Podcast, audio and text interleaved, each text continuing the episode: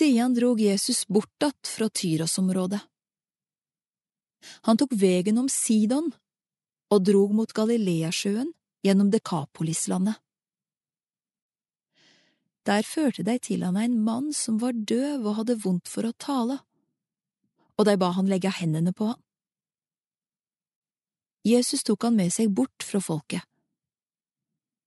Han stakk fingrene sine i øret hans, tok spytt og rørte ved tunga hans.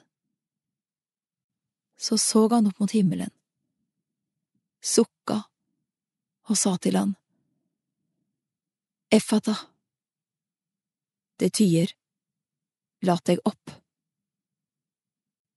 Med det samme vart øyra hans åpna, og bandet som batt tunga hans, vart løyst så han tala reint. Jesus forbau deg å seia det til nokon, men de meir han forbau det, de meir gjorde dei det kjent.